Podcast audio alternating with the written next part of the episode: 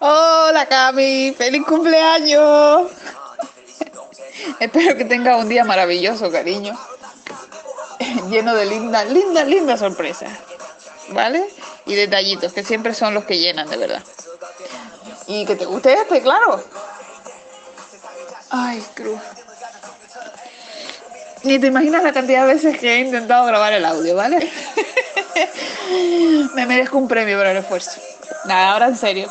Eh, estoy muy, muy contenta de conocerte, cariño. Aunque haya sido de una manera un tanto inusual. ¿Vale? Pero bueno.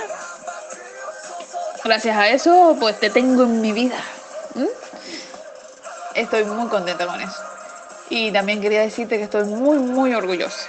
¿Vale? Muy orgullosa del esfuerzo que estás haciendo, de la dedicación que le das y de que a pesar de que hay días que no pues no son buenos días, aún así sigas luchando.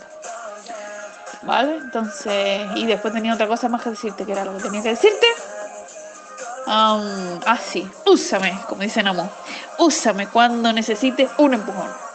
¿Vale? O cuando necesites desahogarte, o cuando necesites lo que sea. ¿Vale? Menos secuestrar a hobby. No puedo secuestrar a hobby, ¿vale? Lo hemos dejado claro, ¿no? Bien. Ah, ¿qué más decirte?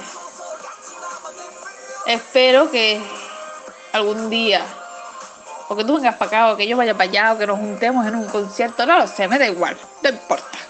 Lo importante es poder darte chuchones, eso es lo importante. ¿Vale? Pues lo dicho, que tengas un lindo día y muy, muy feliz cumpleaños, cariño. Te quiero.